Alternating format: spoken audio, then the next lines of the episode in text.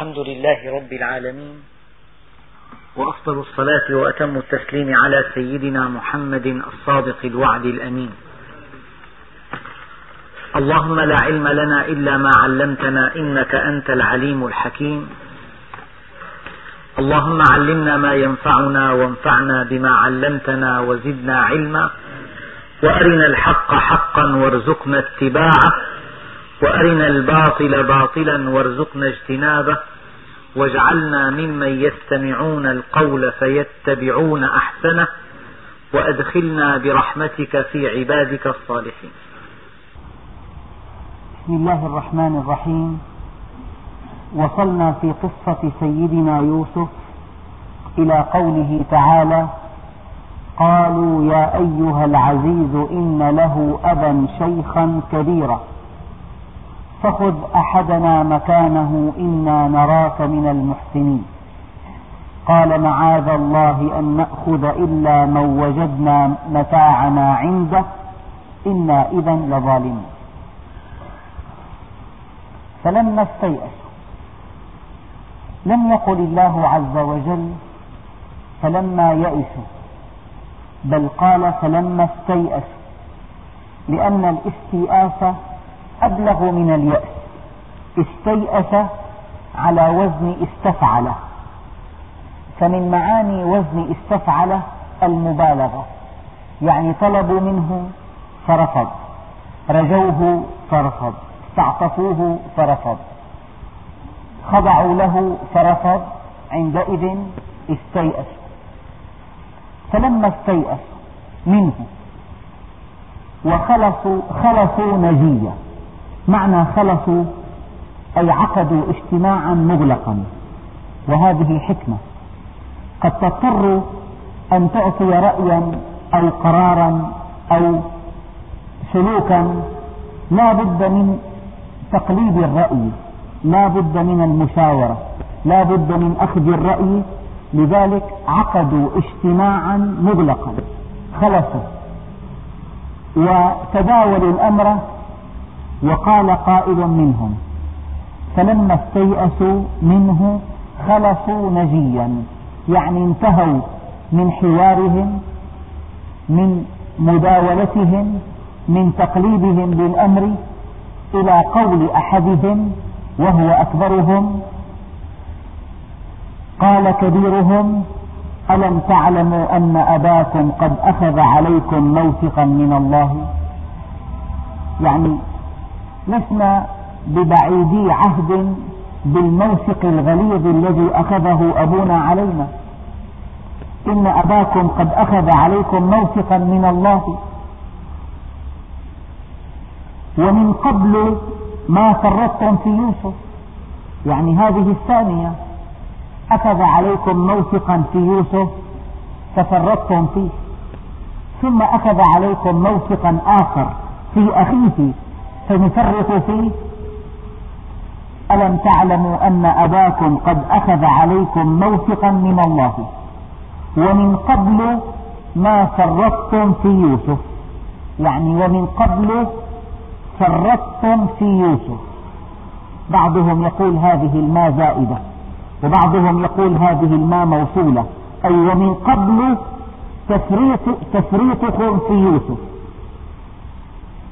فلم أبرح الأرض. من شدة الألم وشدة الخجل وشدة الخزي أمام الأب الوالد قال فلم أبرح الأرض. أي لن أغادرها. أنا هنا. إما أن أعود مع أخي وإما أن أبقى هنا. فلن أبرح الأرض حتى يأذن لي أبي. أو يحكم الله لي. يحكم الله لي أن آخذ أخي معي. أو أن أقاوم وأستخدم أسلوب العنف. إما أن أنتصر وإما أن أخذل فإذا خذلت ينطبق علي قول أبي إلا أن يحاط بكم. إذا الإنسان دافع عن حقه وغلب أحيط به فإما أن أرجع مع أخي وإما أن يأذن لي أبي وإما أن أستخدم السيف فإن أخذته بالقوة أخذته بالقوة. وإلا فقد أحيط بي وقد أعذرت وهو خير الحاكمين. يعني يبدو من هذا الموقف أنه يقطر ألما وندما وخجلا وحياء وشعورا بالتقصير. ارجعوا إلى أبيكم. أنا هنا. لن أغادر هذا المكان. لشدة الخجل ارجعوا إلى أبيكم. فقولوا له يا أبانا إن ابنك سرق. هذا الذي حصل. إن ابنك سرق. وما شهدنا إلا بما علمنا. يعني رأينا بأعيننا صواع الملك في رحله. هذا الذي شهدناه. وشهدنا حينما علمنا أنه قد وجد في رحله صواع الملك. إن ابنك سرق وما شهدنا إلا بما علمنا وما كنا للغيب حافظين. يعني ما كنا نعلم أن هذا الحدث المهم سيقع بنا. ما كنا نعلم أن أخانا سوف يسرق. ما كنا نعلم أنه متهم حقيقة أو بريء لأنه في بعض الروايات قال لهم إن الذي وضع بضاعتكم في رحالكم هو الذي وضع صواع الملك في رحله. هم ليسوا متأكدين من أن يوسف من أن أخاهم قد سرق. وما كنا للغيب حافظين. لا نعلم حقيقة الذي جرى أكان متهما فعلا أو كان بريئا. ولا نعلم بما سيكون. وهذه الآية إشارة إلى أن الإنسان أحيانا على الرغم من ذكائه واحتياطاته وخبرته ومعلوماته الدقيقة وإمكاناته وقوته قد يقع في ورطة لا خلاص منها. قد يقع في مأزق, مأزق لا خلاص منه. الإنسان ليس بذكائه ولكن بتوفيق الله عز وجل. يعني في قصص كثيرة الإنسان بريء مئة, مئة في المئة ومع ذلك يتلبس تهمة ما كان له أن يدفعها عنه. وما كنا للغيب حافظين. فالإنسان إذا اتكل على علمه أوكله الله إياه.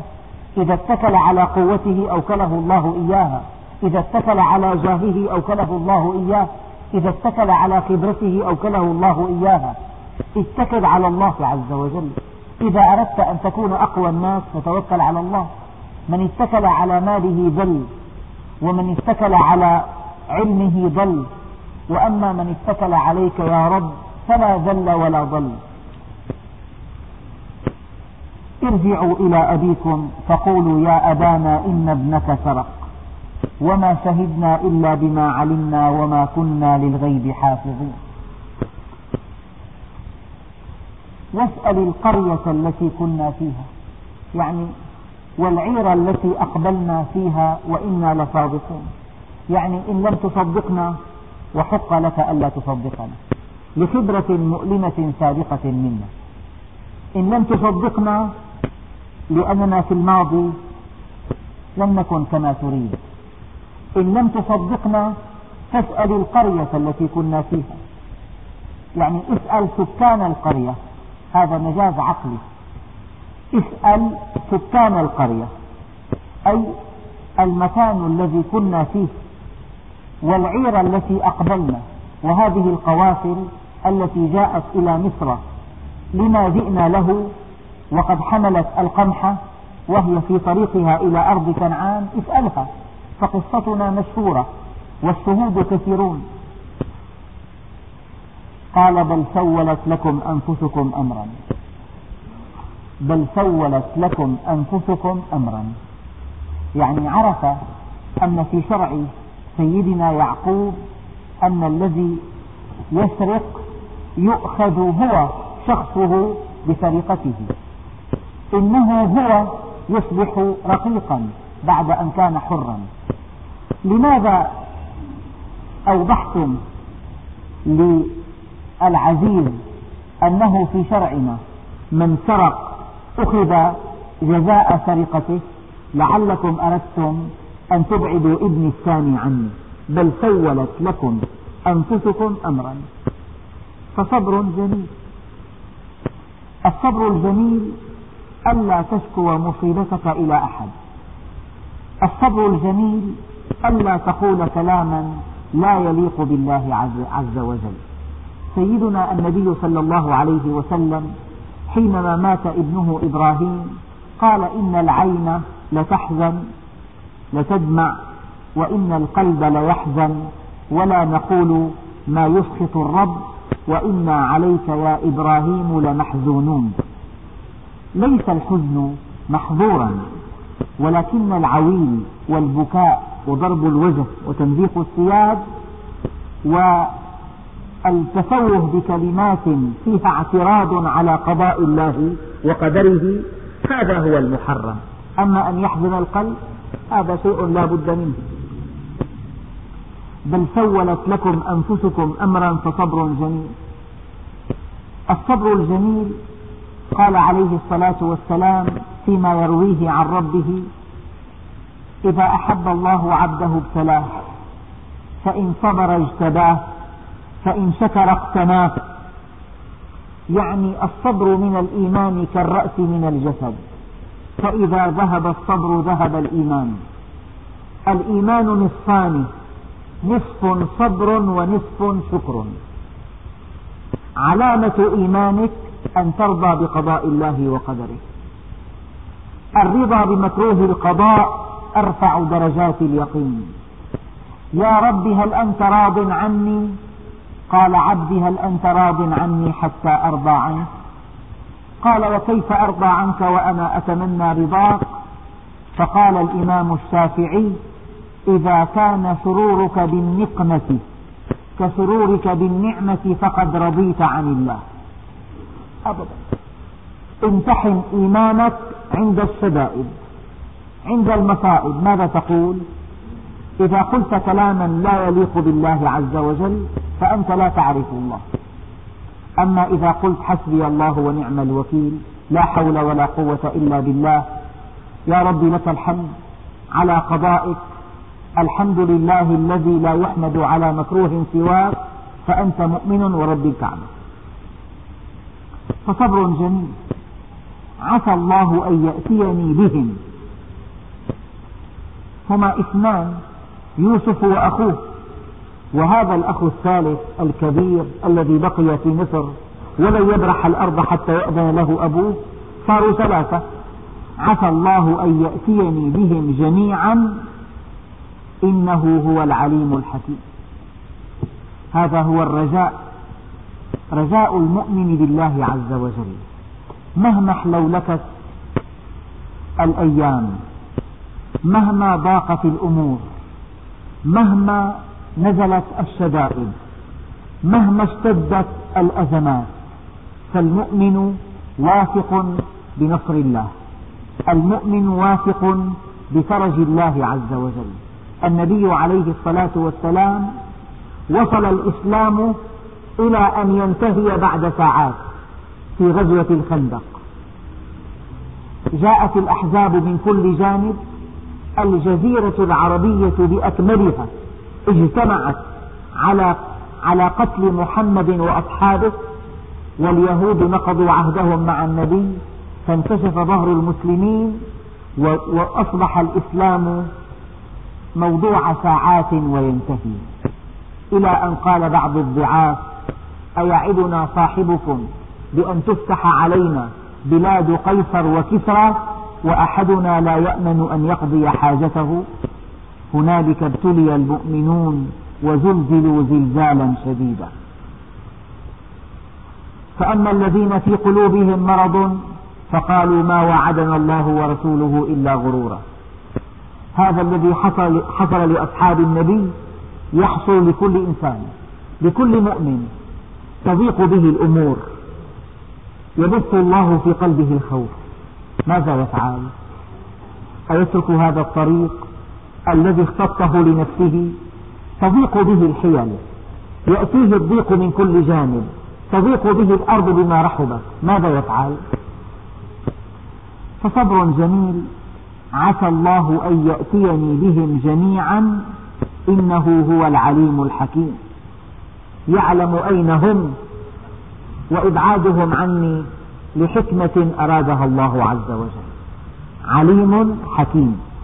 يعلم أين يوسف وأين أخوه وأين أخوهم الثالث وما أحوالهم. وحكيم بهذا الإبعاد. وتولى عنهم. يعني أعرض عنهم وقال يا أسفا على يوسف. العجيب.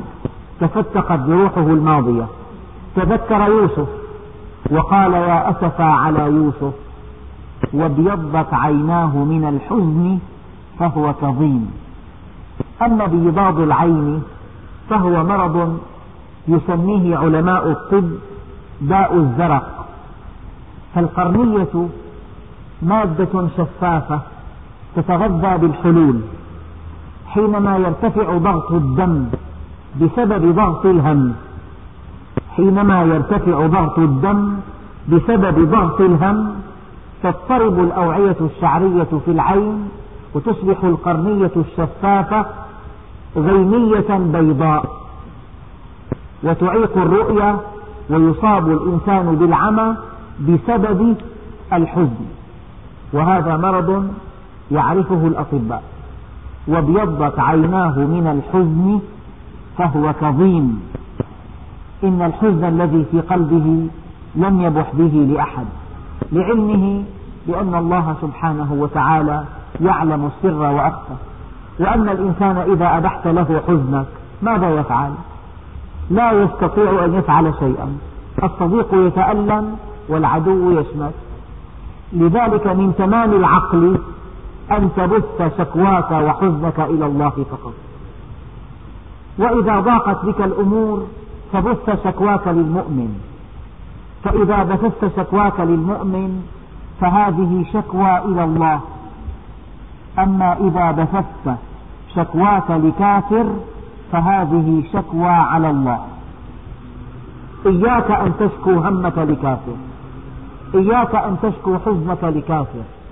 إياك أن تشكو مصيبتك لكافر. إنه يشمت بك. أول ما يقوله لك ألم أقل لك دعك من هذا الطريق؟ هذا طريق الإيمان هو الذي جلب لك المتاعب. انظر إلي أنا طليق لست مثلك. إنه يشمت بك.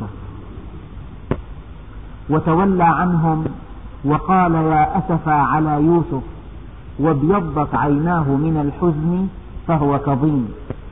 يعني طبيب صديق قال لي إن الأمراض في هذه الأيام بلغت حدا غير معقول ولا سيما أمراض القلب. فقلت لماذا؟ قال لكثرة الهموم وكثرة المتاعب.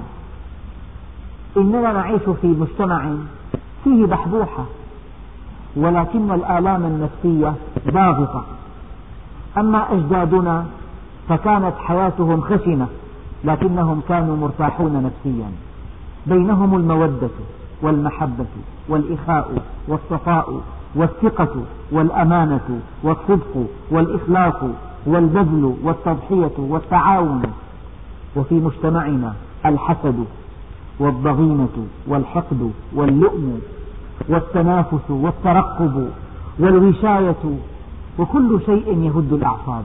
لذلك كثرت أمراض القلب.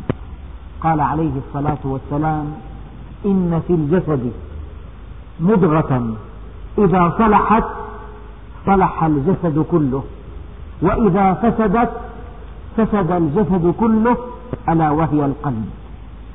يعني إذا آمنت بالله يستريح قلبك المادي. هذا القلب الذي ينبض. من الأذينين والبطينين ومن الشريان الأبهر والشريان التاجي. هذا القلب الذي ينبض. إذا آمنت بالله واستسلمت له ورضيت بقضائه ونزعت من قلبك حب الدنيا وتعلقت بالآخرة ورضيت من الدنيا باليسير فإن في هذا الإيمان صحة لقلبك لقلبك المادي. فإن صح القلب صح كل شيء في الجسد وإن فسد هذا القلب فسد كل شيء. لذلك صحتك أغلى عليك من الدنيا وصحة إيمانك أغلى من صحة جسمك.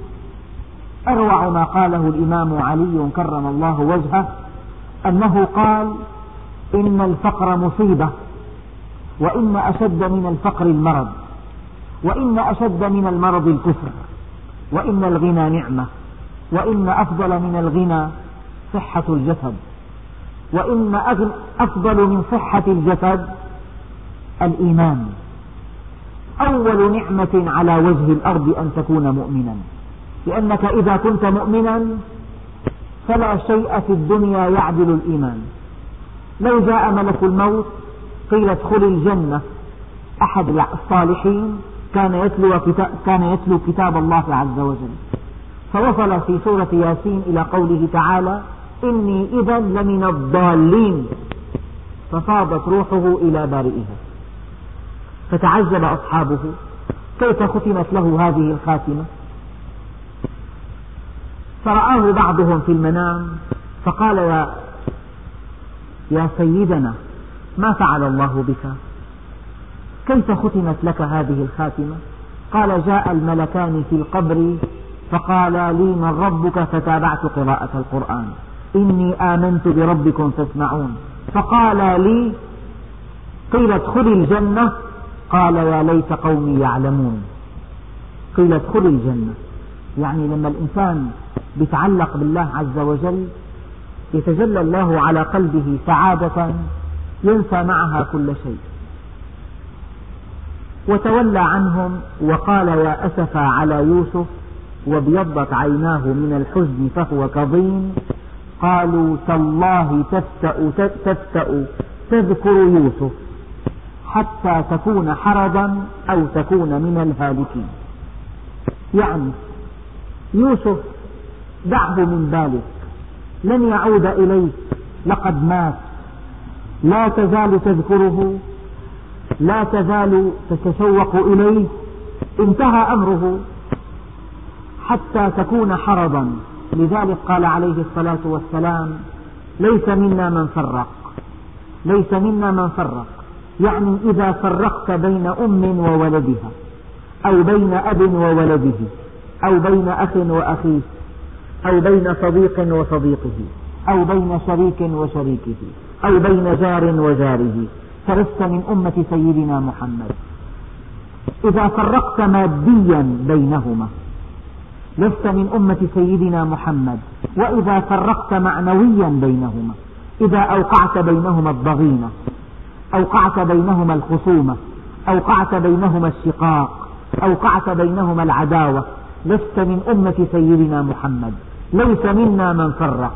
لعن الله من فرق والدة عن ولدها. قالوا تالله تفتأ أي لا زلت تذكر يوسف. حتى تكون حرضا أو حتى تكون هالكا أو تكون من الهالكين يعني الهلاك الأول معنوي. هلاك اليأس والهلاك الثاني الموت. قال إنما أشكو بثي وحزني إلى الله.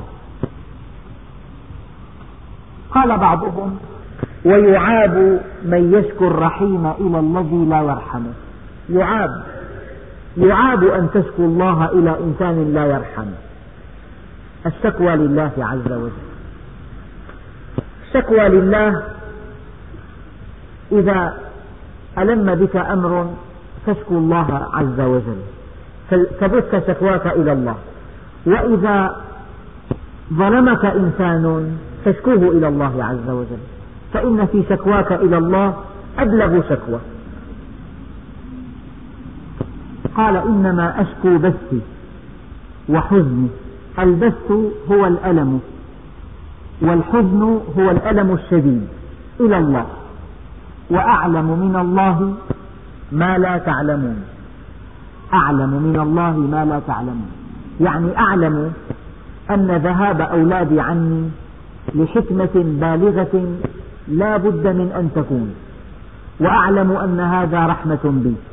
وأعلم أن هذا حرص علي. وأعلم أن هذا قد يزول وقد يعود إلي أولادي. أعلم من الله ما لا تعلمون. أعلم من رحمته ما لا تعلمون. أعلم من حكمته ما لا تعلمون. أعلم من رأفته ما لا تعلمون. أعلم من حبه ما لا تعلمون. أعلم من, حكم من تصريفه الأمور ما لا تعلمون. وأعلم من الله ما لا تعلمون. يا بني اذهبوا فتحسسوا من يوسف وأخيه. معنى تحسسوا أي تتبعوا أخباره. اذهبوا. يعني إن الله كتب عليكم السعي فاسعوا.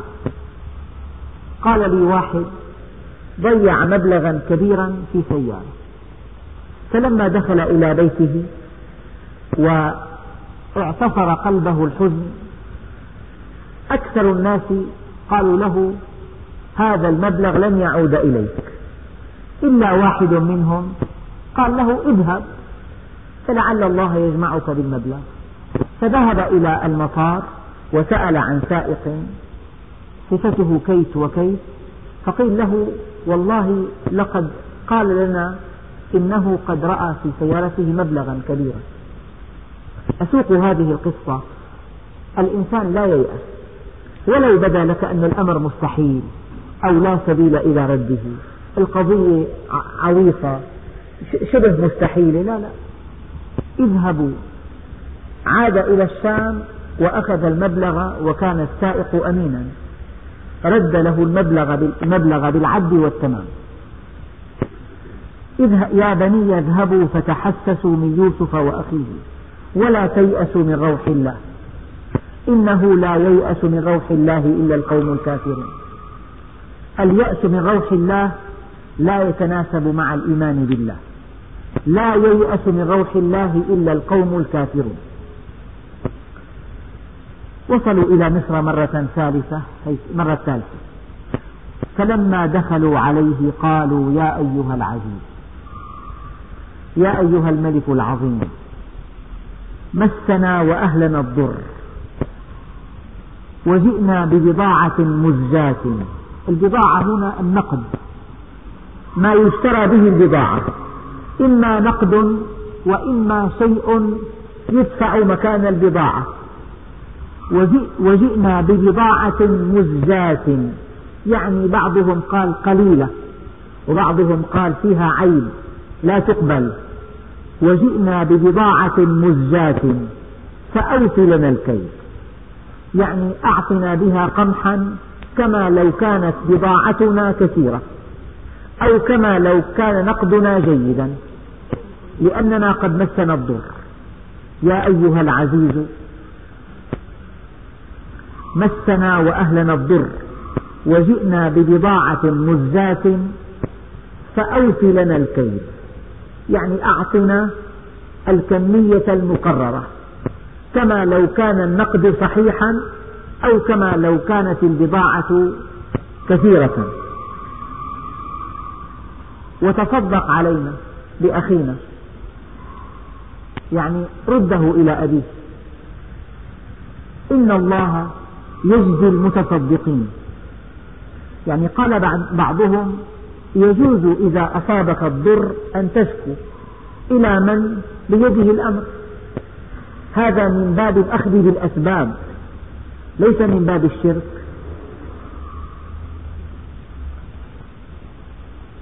يبدو أن سيدنا يوسف رأى من المناسب أن يلقي عليهم بالنبأ العجيب. آن الأوان وحان الوقت لكي يعرفهم من هو. جاءوه أول مرة وجاءوه في المرة الثانية وفي المرة الثالثة وهم يحسبونه عزيز مصر. مرة أحبوه بكرم الضيافة ومرة امتنوا منه لأنه جعل بضاعتهم في رحالهم ومرة تألموا منه لأنه طبق القانون عليهم تطبيقا دقيقا ولم يتساهل معهم. وجاءوا في هذه المرة يائسين أو جاءوا راجين. عندئذ آن الأوان لهذا النبي العظيم وعزيز مصر أن يلقي عليهم بالنبأ وسيكون عليهم كالصاعقة. قال هل علمتم ما فعلتم بيوسف وأخيه؟ هل علمتم ما فعلتم بيوسف وأخيه؟ من يوسف؟ من أعلمك بما فعلنا بيوسف؟ هم في زعمهم أن هذه القصة أن هذه القصة لا يعلمها أحد إلا الله. ويوسف؟ لأنه الضحية. قالوا يا أبانا إنا ذهبنا نسترق وتركنا يوسف عند متاعنا فأكله الذئب. هذا الذي قالوه رسميا لأبيهم. عشرة إخوة اتفقوا على رواية واحدة. ولا يعلم بما جرى إلا الله ويوسف لأنه الضحية. صفوان بن أمية التقى بعمير بن وهب وقال له عمير والله لولا ديون ركبتني. التقى به في الصحراء خارج مكة. لولا ديون ركبتني. ما أطيق سدادها ولولا أبناء صغار أخشى عليهم العنة من بعدي. لذهبت وقتلت محمدا وأرحتكم منه توقف صفوان وقال يا عمير أما ديونك فهي علي بلغت ما بلغت. علي أداؤها. وأما أولادك فهم أولادي. ما امتد بهم العمر فامضه ما أردت. اذهب واقتله وأرحنا منه. وكان ابن عمير عند رسول الله أسيرا. فأسقى سيفه السم وركب راحلته وانطلق إلى المدينة. رآه عمر رضي الله عنه. قال هذا عدو الله عمير بن وهب جاء يريد شرا. قيده بحمالة السيف وساقه إلى النبي عليه الصلاة والسلام. قال يا رسول الله هذا عمير بن وهب جاء يريد شرا. فقال أطلقه يا عمر. أطلقه. قال ابتعد عنه. فابتعد عنه. فقال عليه الصلاة والسلام لأصحابه هل أعددتم له طعاما؟ طعاما. هذا صعق. بعد أن أكل قال أدن مني يا عمير أدن مني. فدنا منه. قال ألا تسلم علي؟ قال عنت صباحا يا محمد. قال سلم علينا بسلام الإسلام. قال لست بعيد عهد بالجاهلية. قال ما الذي جاء بك يا عمير؟ قال جئت أفدي ابني. قال وهذه السيف التي على عاتقك؟ قال قاتلها الله من سيوف وهل نفعتنا يوم بدر؟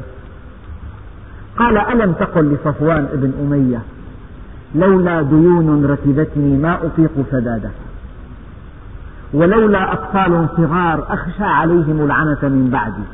لذهبت وقتلت محمدا وأرحتكم منه. قال والله ما يدري أحد بهذا إلا الله.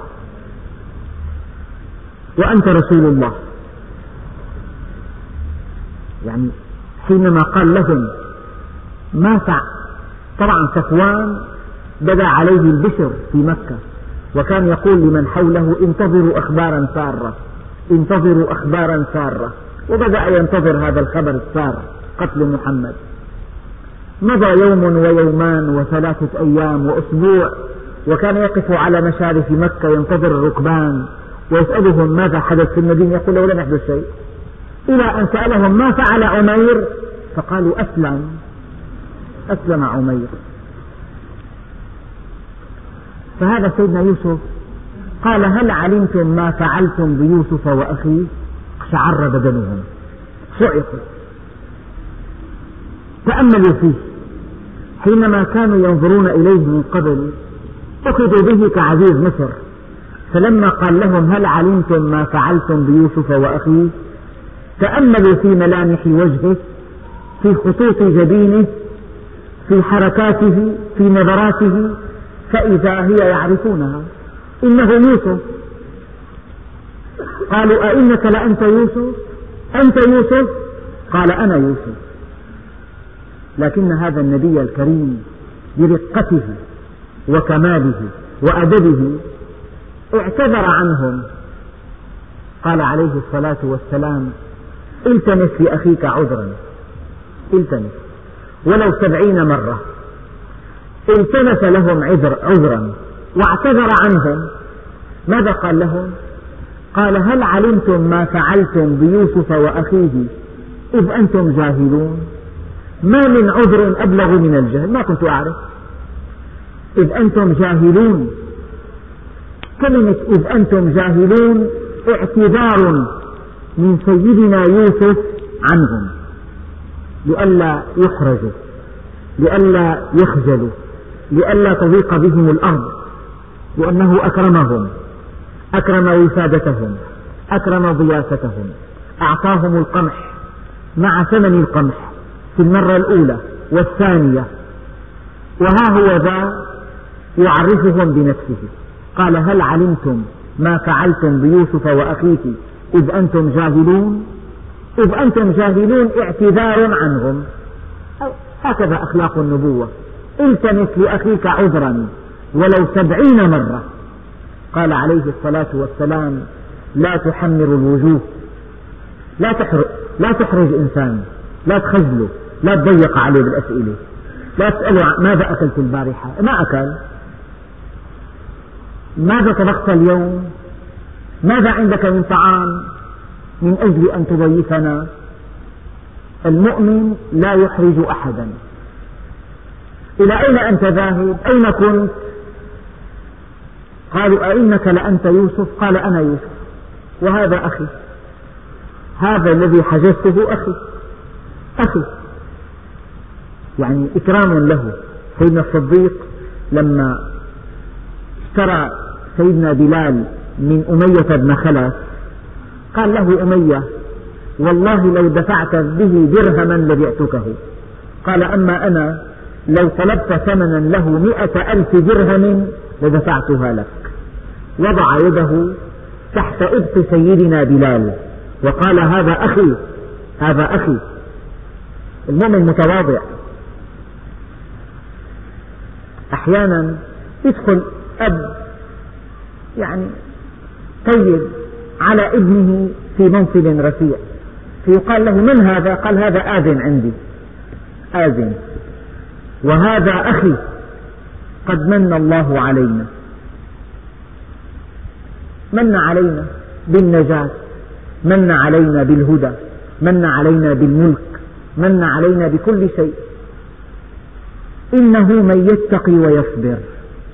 أيها الإخوة الأكارم والله الذي لا إله إلا هو. هذه القصة يمكن أن تنطبق على كل واحد منا. إنه من يتقي ويصبر. اصبر على أمر الله. اصبر عن معصية الله. اصبر على مصيبة نزلت بك. واتق أن تعصي الله. ثم انظر كيف يبدل الله حياتك كلها؟ سعادة وأمنا وبحبوحة وتوفيقا وسرورا. ليست العبرة أن نتلو عليكم هذه الحوادث. العبرة أن نستنبط منها الحقائق وأن نستنبط منها القوانين وأن نستنبط منها السنن وأن تكون هذه الحوادث شافة عن حقائق نهتدي بها في حياتنا. في عملك دعيت إلى معصية. قل معاذ الله. دعيت إلى كسب حرام. قل معاذ الله. دخلك قليل. قل أصبر عليه. إنه من يتقي ويصبر. فإن الله لا يضيع أجر المحسنين. والله الذي لا إله إلا هو. زوال الكون أهون على الله من أن يضيع أجر المحسنين. زوال الكون أهون على الله من أن يضيع أجر المحسنين. أحيانا يكون الإنسان بارا بأمه وإخوته لا يفعلون فعله. يأتيه الشيطان يقول له هي أمك وحدك؟ هم مرتاحون من خدمتها طليقون يذهبون إلى النزهات يسهرون وأنت مرتبط بها. اقرأ هذه الآية فإن الله لا يضيع أجر المحسنين. في رجل خدم أمه تسع سنين متتالية إلى أن ضاق به الأمر وتبرم واشتكى وبدأ يصيح وبدأ يسمع حتى بلغ به الأمر أن جمع إخوته جميعا. وقال هذه أمي وأمكم إما أن تأخذوها عني وإما أفعل كذا وكذا. تحت الأمر الواقع وتحت ضغط التهديد أخذوها عنه في اليوم الثاني ماتت عند أخيه. يوم واحد. أذهب الله عمله كله. في رجل أعرفه وهو حي يرزق. كان يرعى أرملة. رعاها عشرين عاما. ثم انتقل إلى حي بعيد. فصار يأتي مشيا من هذا الحي البعيد إلى مكان إقامة الأرملة. يكنس لها أرض الغرفة ويصنع لها الطعام ويقدم لها كل الحاجة. ضج أهله. إلى متى أنت تخدمها؟ أليس في الناس أحد غيرك؟ ضغطوا عليه. فلما رأوا إصراره وأنه لا يمكن إلا أن يذهب إليها كل يوم وقد تقدمت به السن صار في السبعين. عندئذ نزلوا عند الأمر الواقع وقالوا ائت بها إلى هنا إلى البيت. اخدمها هنا. قال اذهبوا أنتم إليها وادعوها. فذهبوا إليها ودعوها وجاءت أقامت عنده يومين ثم ماتت. هكذا العمل الصالح. يعني الآية هي تركت في نفسي أثرا بليغا. إن الله لا يضيع أجر المحسنين.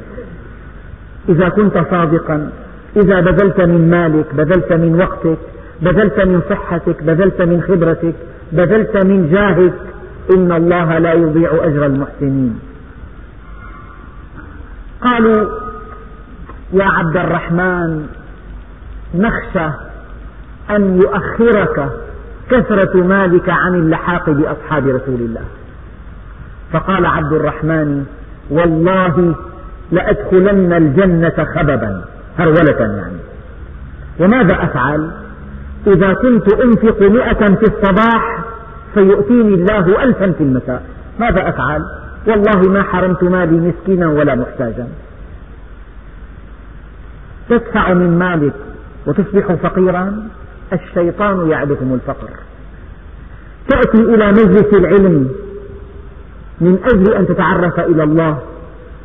وتأتيك المتاعب من هذا المجلس. لا والله ليست هذه أخلاق الله عز وجل. الوفاء كله من الله. تأتيه إلى بيته ليتعبك بعدها. لا والله. إن الله لا يضيع أجر المحسنين. تستقيم في تجارتك وتفلس لا والله. تختار امرأة صالحة دينة وتؤثرها على امرأة جميلة جدا. وتشقيك هذه المرأة لا والله تسعد بها. يعني إن الله مع المحسنين. شوف هم أساءوا إليه. هو كان محسنا. ألقي في البئر صار عزيز مصر. هم كانوا في, في أوج قوتهم. صاروا يقفون أمامه أذلاء. يا أيها العزيز مس أهلنا الضر وجئنا ببضاعة مزجاة شوف المواقف. كان صغيرا ألقاه في الجب بقسوة بالغة. دفعوه دفعا.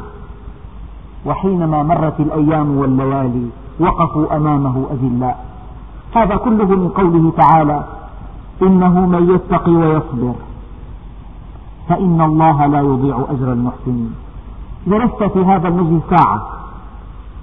والطريق ساعة. ساعتان طريق.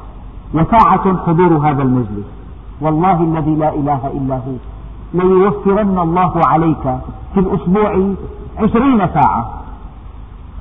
كان من الممكن أن تذهب سدى أن تضيع مع الغيظ مع مع الضيق. تأتي إلى مجلس العلم.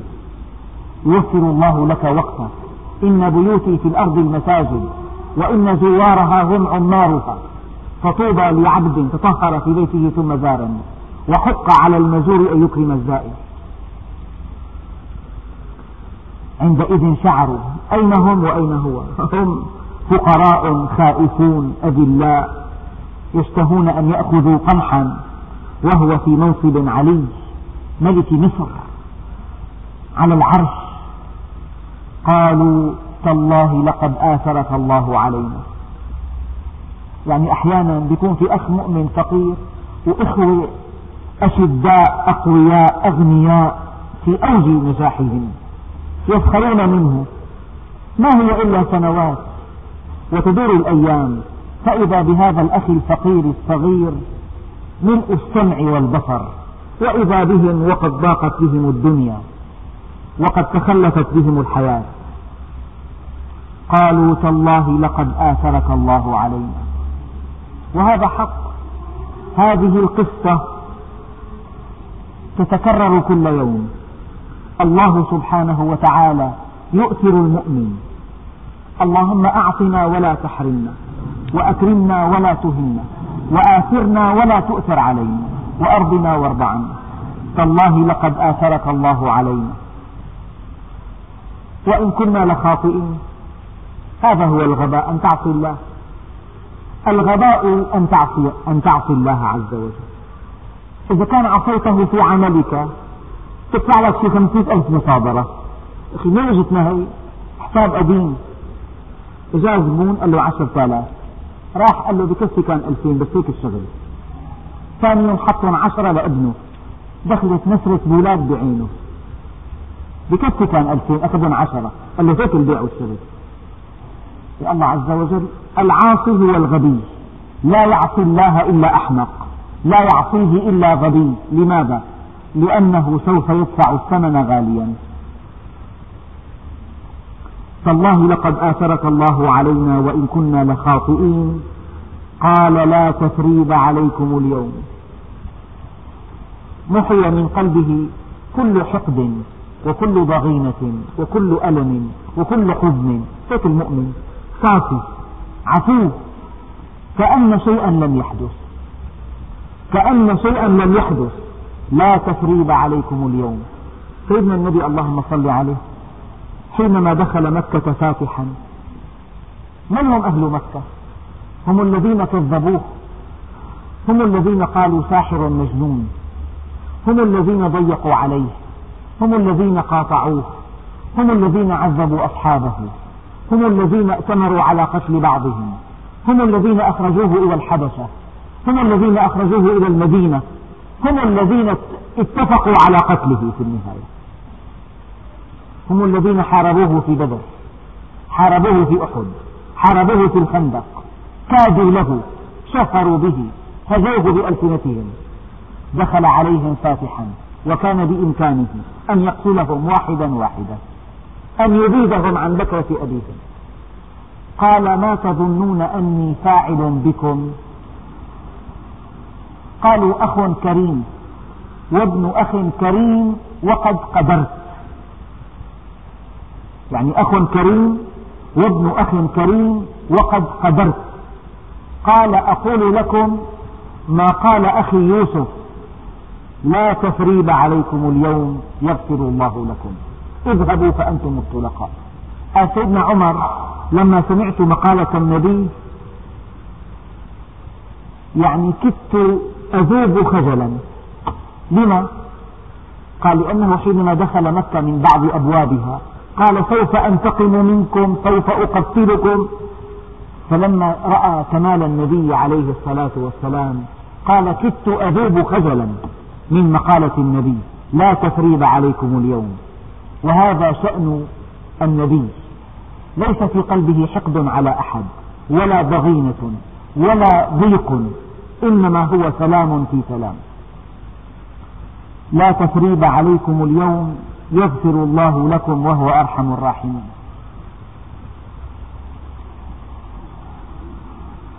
اذهبوا بقميصي هذا. طبعا سألهم عن أبيهم. ما فعل أبي؟ قالوا فقد بصره. فقد بصره حزنا عليك. وقال العلماء إن الله أوحى إليه أنك إذا أرسلت قميصك إليه سأرد أنا بصره. مو القميص اللي له بصره؟ لو ألقيت على وجه أعمى قميصا أو يرد بصره. أوحى الله إليه أن أرسل قميصك إليه وأنا سأرد له بصره. إكراما لك. اذهبوا بقميصي هذا فألقوه على وجه أبي يأتي بصيرا. وأتوني بأهلكم أجمعين. يعني سيدنا يعقوب وإخوته وأبناؤه اكتشفوا فجأة أن أخاهم ملك مصر. فرحة ما بعدها فرحة. فألقوه على وجه أبي يأتي بصيرا وأتوني بأهلكم أجمعين. ولما فصلت العير قال أبوهم إني لأجد ريح يوسف. علماء النفس المعاصرين قالوا هذه الحادثة اسمها التخاطر النفسي. سيدنا عمر يقف على المنبر ويخطب فإذا به يقطع خطبته ويقول يا سارية الجبل الجبل.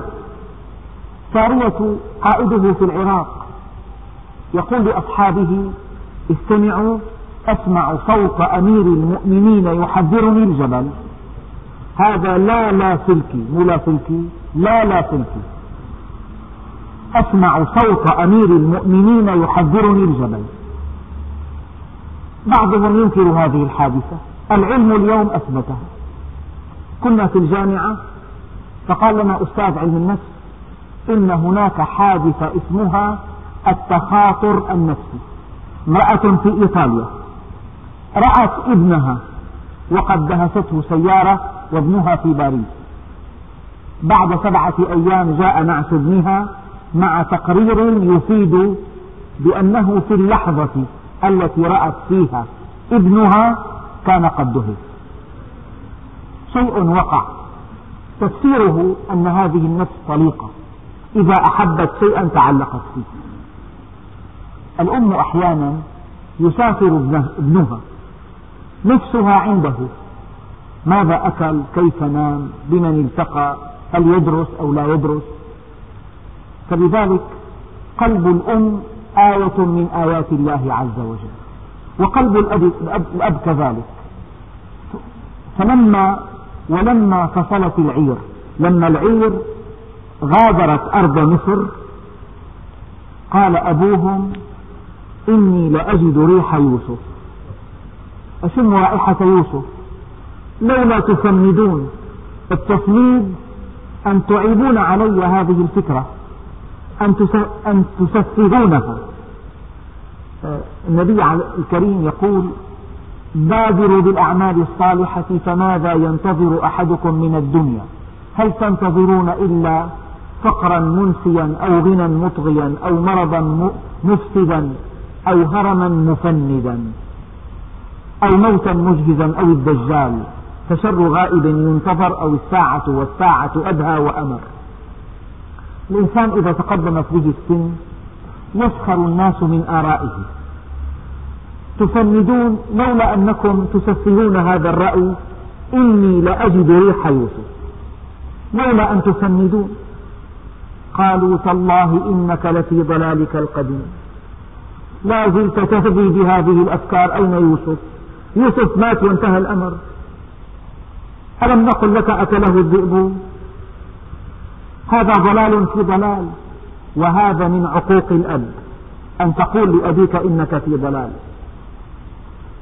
فلما أن جاء البشير ألقاه على وجهه فارتد بصيرا. بعضهم قال الذي جاءه بقميص يوسف. وعليه دم كذب. رجاهم أن يمسك بقميصه الحقيقي لتكون هذه بتلك واحدة بواحدة. ولما أن جاء البشير ألقاه على وجهه فارتد بصيرا. يروي التاريخ أن سيدنا يعقوب قال له ماذا أكافئك على هذه البشارة؟ وليس عندي شيء. سأدعو لك أن يخفف الله عنك سكرات الموت. قالوا هذا أثمن دعاء أن يخفف الله عن الإنسان سكرات الموت. ولما أن جاء البشير فلما أن جاء البشير ألقاه على وجهه فارتد بصيرا. قال ألم أقل لكم إني أعلم من الله ما لا تعلمون؟ سيدنا أبي الدرداء قيل له احترق دكانك يا أبا الدرداء. قال ما كان الله ليفعل. احترق دكانك؟ قال ما كان الله ليفعل. احترق دكانك؟ قال ما كان الله ليفعل. فلما تحققوا وجدوا أن دكان جاره هي التي احترقت. فلما أخبروه قال أعلم ذلك أعلم ذلك. يعني أنت كمؤمن إذا كنت مستقيما على أمر الله مطيعا له محبا له باذلا ما تملك من أجله ماذا تنتظر منه؟ كل إكرام. تنتظر السلامة الإكرام التوفيق الصحة الوفاق الزوجي من عمل صالحا من ذكر أو أنثى وهو مؤمن فلنحيينه حياة طيبة. إن الذين قالوا ربنا الله ثم استقاموا تتنزل عليهم الملائكة ألا تخافوا ولا تحزنوا. قل لن يصيبنا إلا ما كتب الله لنا هو مولانا. إن الله يدافع عن الذين آمنوا فإنك بأعيننا وكان حقا علينا نصر المؤمنين. وكذلك ننجي المؤمنين. هذا هو الظن. حسن الظن بالله ثمن الجنة. الظانين بالله ظن السوء. عليهم دائرة السوء. فلما أن جاء البشير ألقاه على وجهه فارتد بصيرا قال ألم أقل لكم إني أعلم من الله ما لا تعلمون. الذي أعرفه لا تعرفونه. الذي أعرفه عن كرم الله وعن محبة الله وعن توفيق الله وعن حكمة الله وعن علم الله وعن خبرة الله لا تعرفونه أنتم قالوا يا أبانا استغفر لنا ذنوبنا إنا كنا خاطئين. قال سوف أستغفر لكم ربي. يعني العلماء وجهوا هذه الآية أنه من عادته أن يقوم الليل قبل أذان الفجر. فهذه ساعة مباركة ساعة استجابة. فأرجع الاستغفار إلى ساعة الإجابة. لأنه إذا كان ثلث الليل الأخير نزل ربكم إلى السماء الدنيا. فقال هل من تائب فأتوب عليه؟ هل من طالب حاجة فأقضيها له؟ هل من سائل فأعطيه هل من مستغفر فأغفر له حتى ينفجر الفجر. كلما ضاق بك أمر استيقظ قبل صلاة الفجر وصل ركعتين لله عز وجل وفي السجود اطلب من الله حاجتك.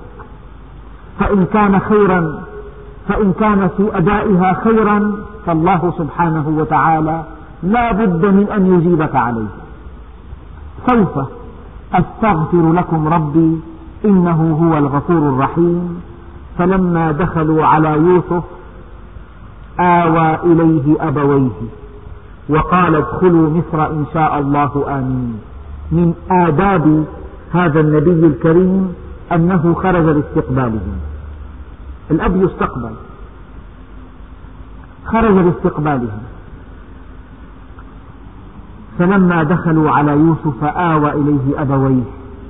يعني واذكروا الله كذكركم آباءكم أو أشد ذكرا.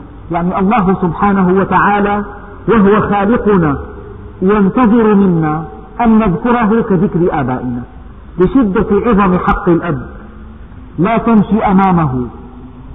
ولا تجلس قبله. ولا تستشد له. وقال ادخلوا مصر إن شاء الله آمنين. وأي أمن ينعم به إنسان أبوه ملك البلاد. أيخاف من أحد؟ ادخلوا مصر إن شاء الله آمنين. ورفع أبويه على العرش. في مطار القاهرة مكتوب على بوابته الكبيرة ادخلوا مصر إن شاء الله آمنين. لكن شتان بين من يدخل الآن إليها وبين هذا النبي الكريم الذي دخلها حين كان ابنه عزيزا في مصر. ورفع أبويه على العرش. العرش سريره مكان جلوسه. تعظيما لهم وتوقيرا لهم قال اجلسوا على هذا العرش. يعني إذا واحد ضيف عزيز جدا أجلسه مكانك. في مكان تكريمتك أجلسهم على مكان جلوسه في مكان جلوسه. والعرش إذا نسب إلى الملك هو سرير الملك أو مكان جلوس الملك. ورفع أبويه على العرش وخروا له سجدا. هنا لا بد من الإيضاح. بعض العلماء قالوا وهم محقون. وخروا له أي لله عز وجل سجدا جميعا. يوسف وأبواه وإخوته الأحد عشر كوكبا. وبعضهم قال هذا سجود التحية كان تقليدا في مصر انحناء الرأس. حينما ينحني الرأس قليلا هذا اسمه عند أهل مصر سجود. لا سجود عبادة بل هو سجود تحية اجلس. وخروا له سجدا. عندها قال يوسف عليه السلام وقال يا أبت هذا تأويل رؤياي من قبل. قد جعلها ربي حقا. أول السورة هو اسمه عود على بدء. إذ قال يوسف لأبيه يا أبت إني رأيت أحد عشر كوكبا والشمس والقمر رأيتهم لي ساجدين. الشمس أبوه والقمر أمه والأحد عشر كوكب هم إخوته. قال يا أبت هذا تأويل رؤياي من قبل قد جعلها ربي حقا وقد أحسن بي. إذ أخرجني من السجن. لما لم يقل إذ أخرجني من البئر؟ لأنه إذا قال إذ, أخرج إذ أخرجني من البئر يذكرهم بجريمتهم. وقال الصوفيون ذكر الجفا وقت الصفا من الجفا. ذكر الجفا وقت الصفا من الجفا. يعني ذكرته بجريمته. واحد أساء لك وصار في مودة بالغة تتذكر وقت معي كذا وكذا خجلته حرقته حرق. والحمد لله رب العالمين. الرحمن الرحيم. الحمد لله رب العالمين. وأفضل الصلاة وأتم التسليم على سيدنا محمد الصادق الوعد الأمين. اللهم اجز عنا محمدا صلى الله عليه وسلم ما هو أهله واجز عنا صحابته الكرام ما هم أهله واجز عنا مشايخنا ومن علمنا ومن له حق علينا. اللهم اجعل جمعنا هذا جمعا مباركا مرحوما. واجعل تفرقنا من بعده تفرقا معصوما. ولا تجعل فينا ولا منا ولا معنا شقيا ولا محروما. اللهم كما هديتنا للإسلام فثبتنا عليه. اللهم ألزمنا سبيل الاستقامة لا نحيد عنها أبدا.